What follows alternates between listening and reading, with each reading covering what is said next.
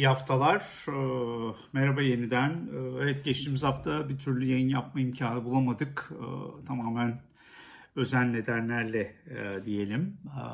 Bu hafta bakalım yine böyle düzenli çar- pazartesi, çarşamba, cuma bakalım yapma imkanımız e, olacak mı?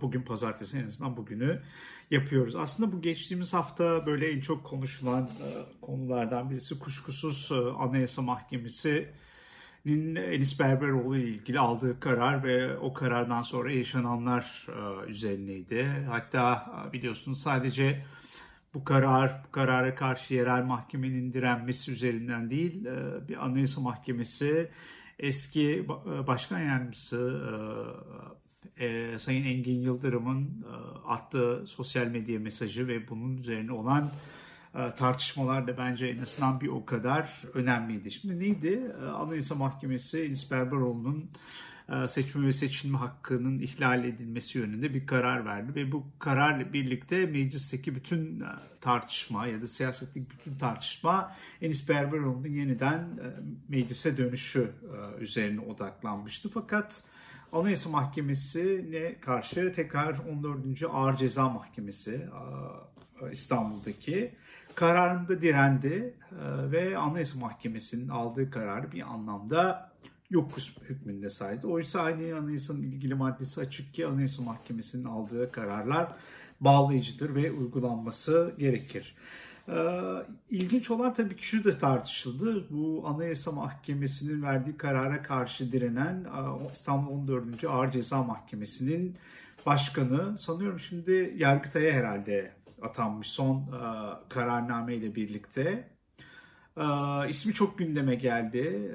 E, ismini almaya burada gerek var mı bilmiyorum ama gerçekten pek çok kamuoyunda tartışmalı kararın altında imzası olan bir hakim. Yani işte Sayın Canan Kaftancıoğlu'na verilen kararda, Selahattin Demirtaş'a yönelik verilen kararda, yani bir, bir kararda ve bir de tabii ki benim de adım geçti. Çünkü e, benle birlikte 12 kişinin e, yeniden tutuklanması e, 14 Nisan 2017 e, Cuma akşamı yeniden tutuklanmasında da aynı hakimin imzası var. Şimdi bütün bunları okuyunca ben tabii o günlere gittim. E, belki hani izleyenler biliyordur. O, e, 30 Ağustos 2016'da gözaltına alındıktan sonra e, terör örgütü üyesi olmamakla birlikte yardımdan gözaltına alındık ve 3 Eylül sabahı da tutuklandık. 4 kişi Atilla Taş, ben, Gökçe Fırat Çulukoğlu ve e, Mutlu Çölgeçen.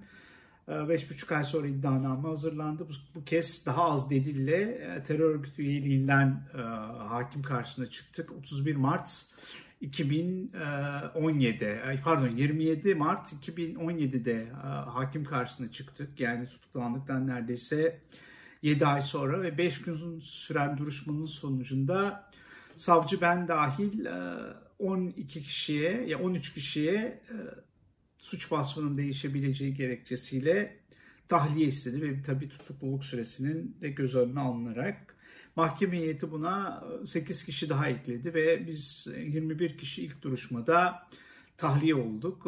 Silivri'ye döndüğümüzde saat 5 4.30'da falan bitmişti mahkeme.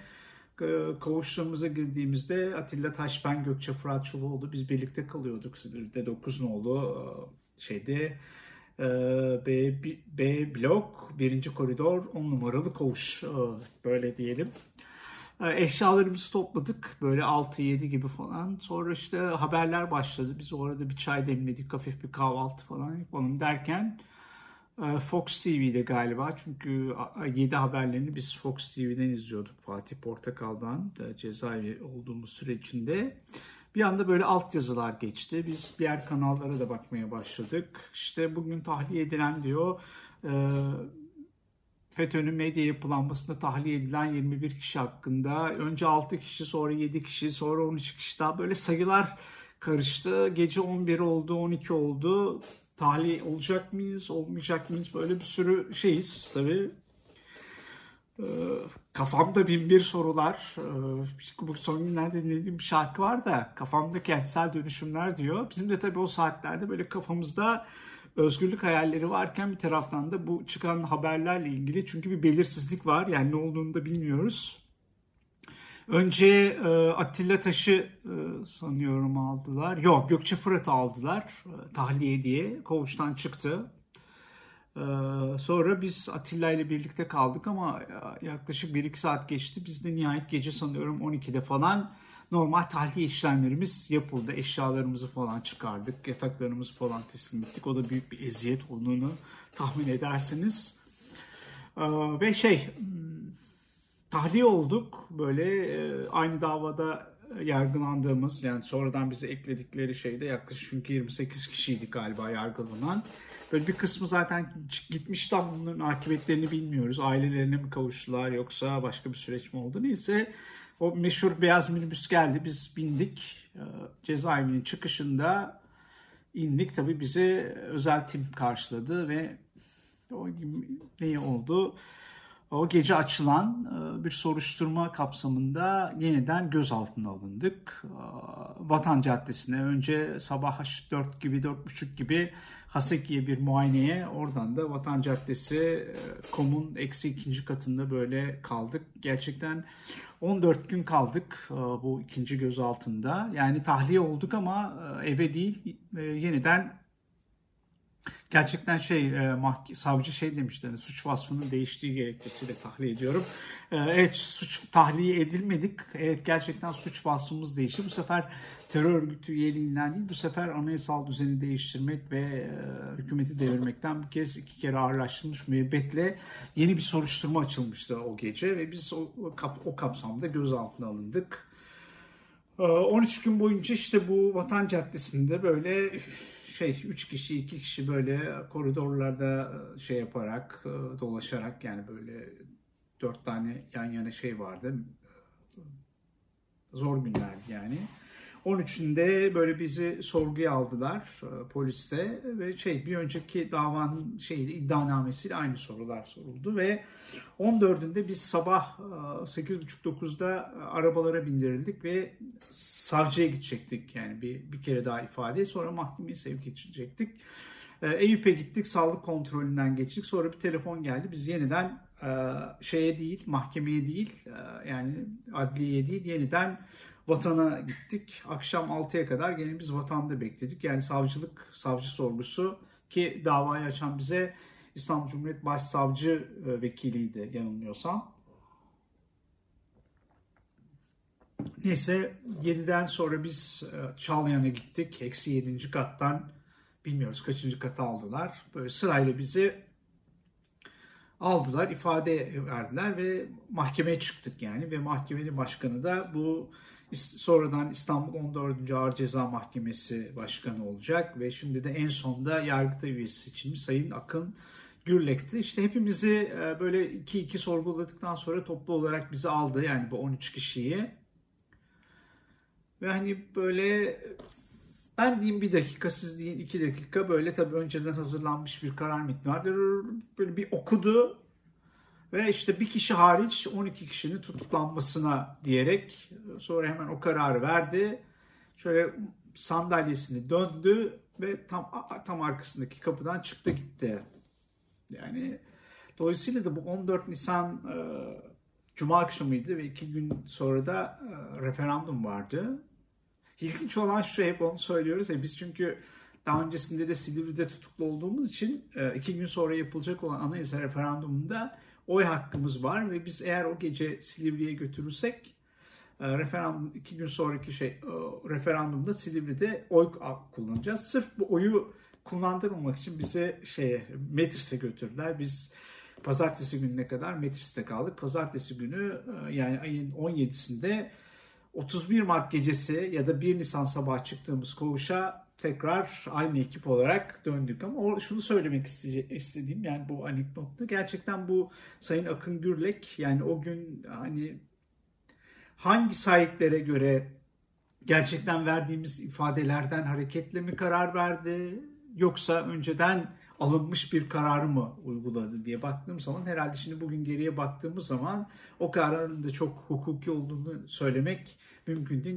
Nitekim biz o davadan yani iki kere ağırlaştırılmış müebbetten e, beraat ettik. Yani o 14 gün gözaltı sonra tutuklamanın ardından biz o davadan beraat ettik. Dolayısıyla hani burada da gerçekten hani kim bizden özür dileyecek o artı yattığımız artı 7 ay için ve hayatımızdan çalınan günler için, çocuklarımızdan çalınan günler için, özgürlüğümüzden çalınan günler için e, kim e, şey yapacak mı? O kararı veren şu anda savcı yargıta üyesi olmuş. Şimdi aynı şekilde Anayasa Mahkemesi'nin verdiği kararı uygulamayarak yani kararında ısrar ederek aslında bir anlamda hukuken de tırnak içinde söyleyeyim bunu suç işliyor. Çünkü böyle bir kararın ardından aslında normal olması gereken Hakimler Savcılar Yüksek Kurulu'nun bu e, hakim hakkında dava açması gerekiyor ama ne yazık ki işte hani Türkiye'deki biraz hukukun durumunu biliyoruz. Hani böyle bir o mahkeme heyetiyle e, bir öyle bir hukukum var ama şu var.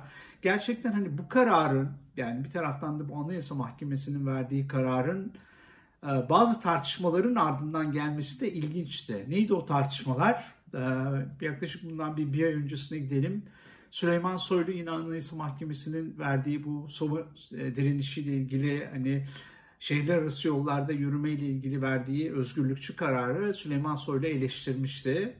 Onun üzerine de e, ondan bir iki hafta sonra Sayın Bahçeli de Anayasa Mahkemesi'nin yapısının yeni devlet sistemine, yeni yönetim sistemine uygun hale getirilmesi ve bir anlamda devlet adil. Yani yine Osmanlı'ya referans veren yönetimle uyumlu bir e, şey yani daha doğrusu yönetimin denetiminde bir mahkeme talebi oldu. Aslında baktığımız zaman bugünkü Anayasa Mahkemesi'nin yapısını da yani şu anda atanmış e, e, üyelerin bir kısmı Sayın Gül döneminde, bir kısmı Cumhurbaşkanı döneminde atılmış ama şu anda da zaten siyasi iktidarın neredeyse siyasi iktidarın özellikle ideolojik e, kararlarda siyasi iktidara bir e, şerh düşen, ona e, karşı koyan karar yok neredeyse. Özellikle bunu bir daha söylüyorum. ideolojik davalarda. Tabii özgürlükçü davalarda kısmen işte benimle de ilgili hak ihlali kararı verdi. 2 Mayıs 2019 e, yılında e, nitekim hani iki buçuk yıl sonra evet böyle özgürlükçü kararları var ama genel itibariyle baktığınız zaman bugünkü Anayasa Mahkemesi'nin hem gerek yapısı gerek bundan sonraki süreçte üyeliklerin seçimi konusunda tamamen e, yeni yönetimde çok uyumlu bir yapı var ama buna rağmen demek ki bu alınan özgürlükçü kararlardan bile rahatsızlık var ki Anayasa Mahkemesi'nin yapısının değiştirilmesini talep ediyor Sayın Bahçeli. E, tabii bütün bunlar üzerine e, Anayasa Mahkemesi üyesinin eskiden e, başkan vekiliydi Sayın Engin Yıldırım'ın attığı sosyal mesaj işte ışıklar yanıyor. Onu e, İçişleri Bakanlığı'nın ondan birkaç dakika sonra karşı mesajı. Bu gerçekten aslında hani bu devlet yönetimi arasındaki hani kurumlar arasındaki hani bırakın uyumu e, hani böyle bir kriz halini de bir anlamda ifade ediyor. Evet, yasama, yürütme, yargı gerçekten güçler ayrılığı bağlamında önemli bir demokrasi e, demokratik tahammüldür ama bugünkü yeni sistemde e, yasama e, ve yargı neredeyse aslında e, baktığınız zaman yürütmenin denetimine geçti. Yani güçler ayrılığından ziyade bir güçler güçler birliğinden de bahsetmek mümkün ama şu şu da şöyle bir gerçek var ki yani bu e, olayda gerçekten Anayasa Mahkemesi atılan sosyal mesaj, Anayasa Mahkemesi'nin aldığı karara e, uymama meselesi konusunda siyasi iktidar gerçekten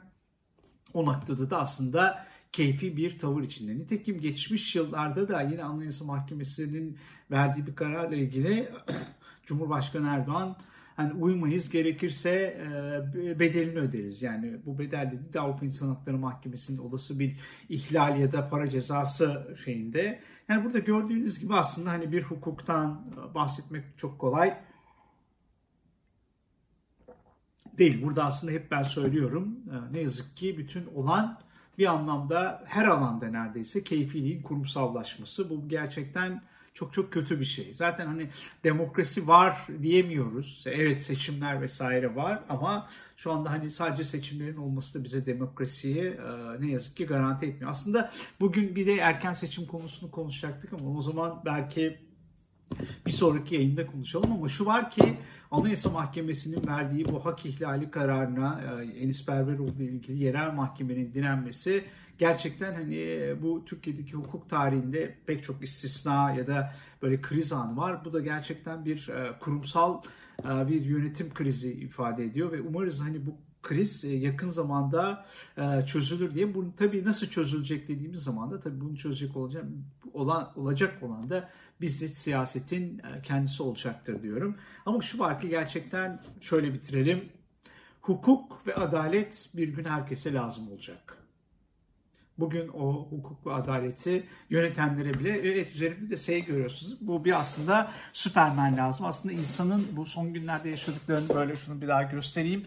Şey var Nil Kara İbrahimgil'in şarkısı var bazen Süpermen olmak lazım diye. Gerçekten Türkiye öylesine gündem hızlı akıyor ki şey yapıyor ki yani bir gazeteci olarak ya da bunları izleyen bir sıradan vatandaş olarak bazen insanın aklı, benim aklımdan şu geçiyor. Bazen bütün bu olanları anlamak, takip edebilmek için gerçek bazı gerçekten bazen Süperman olmak gerekiyor diyerek bitirelim. Ee, evet böyle düzenli yayın yapamıyoruz kusura bakmayın ama yine de e, abone olur ve yandaki e, bildirimleri açarsanız çok çok seviniriz. E, güzel bir gün diliyorum.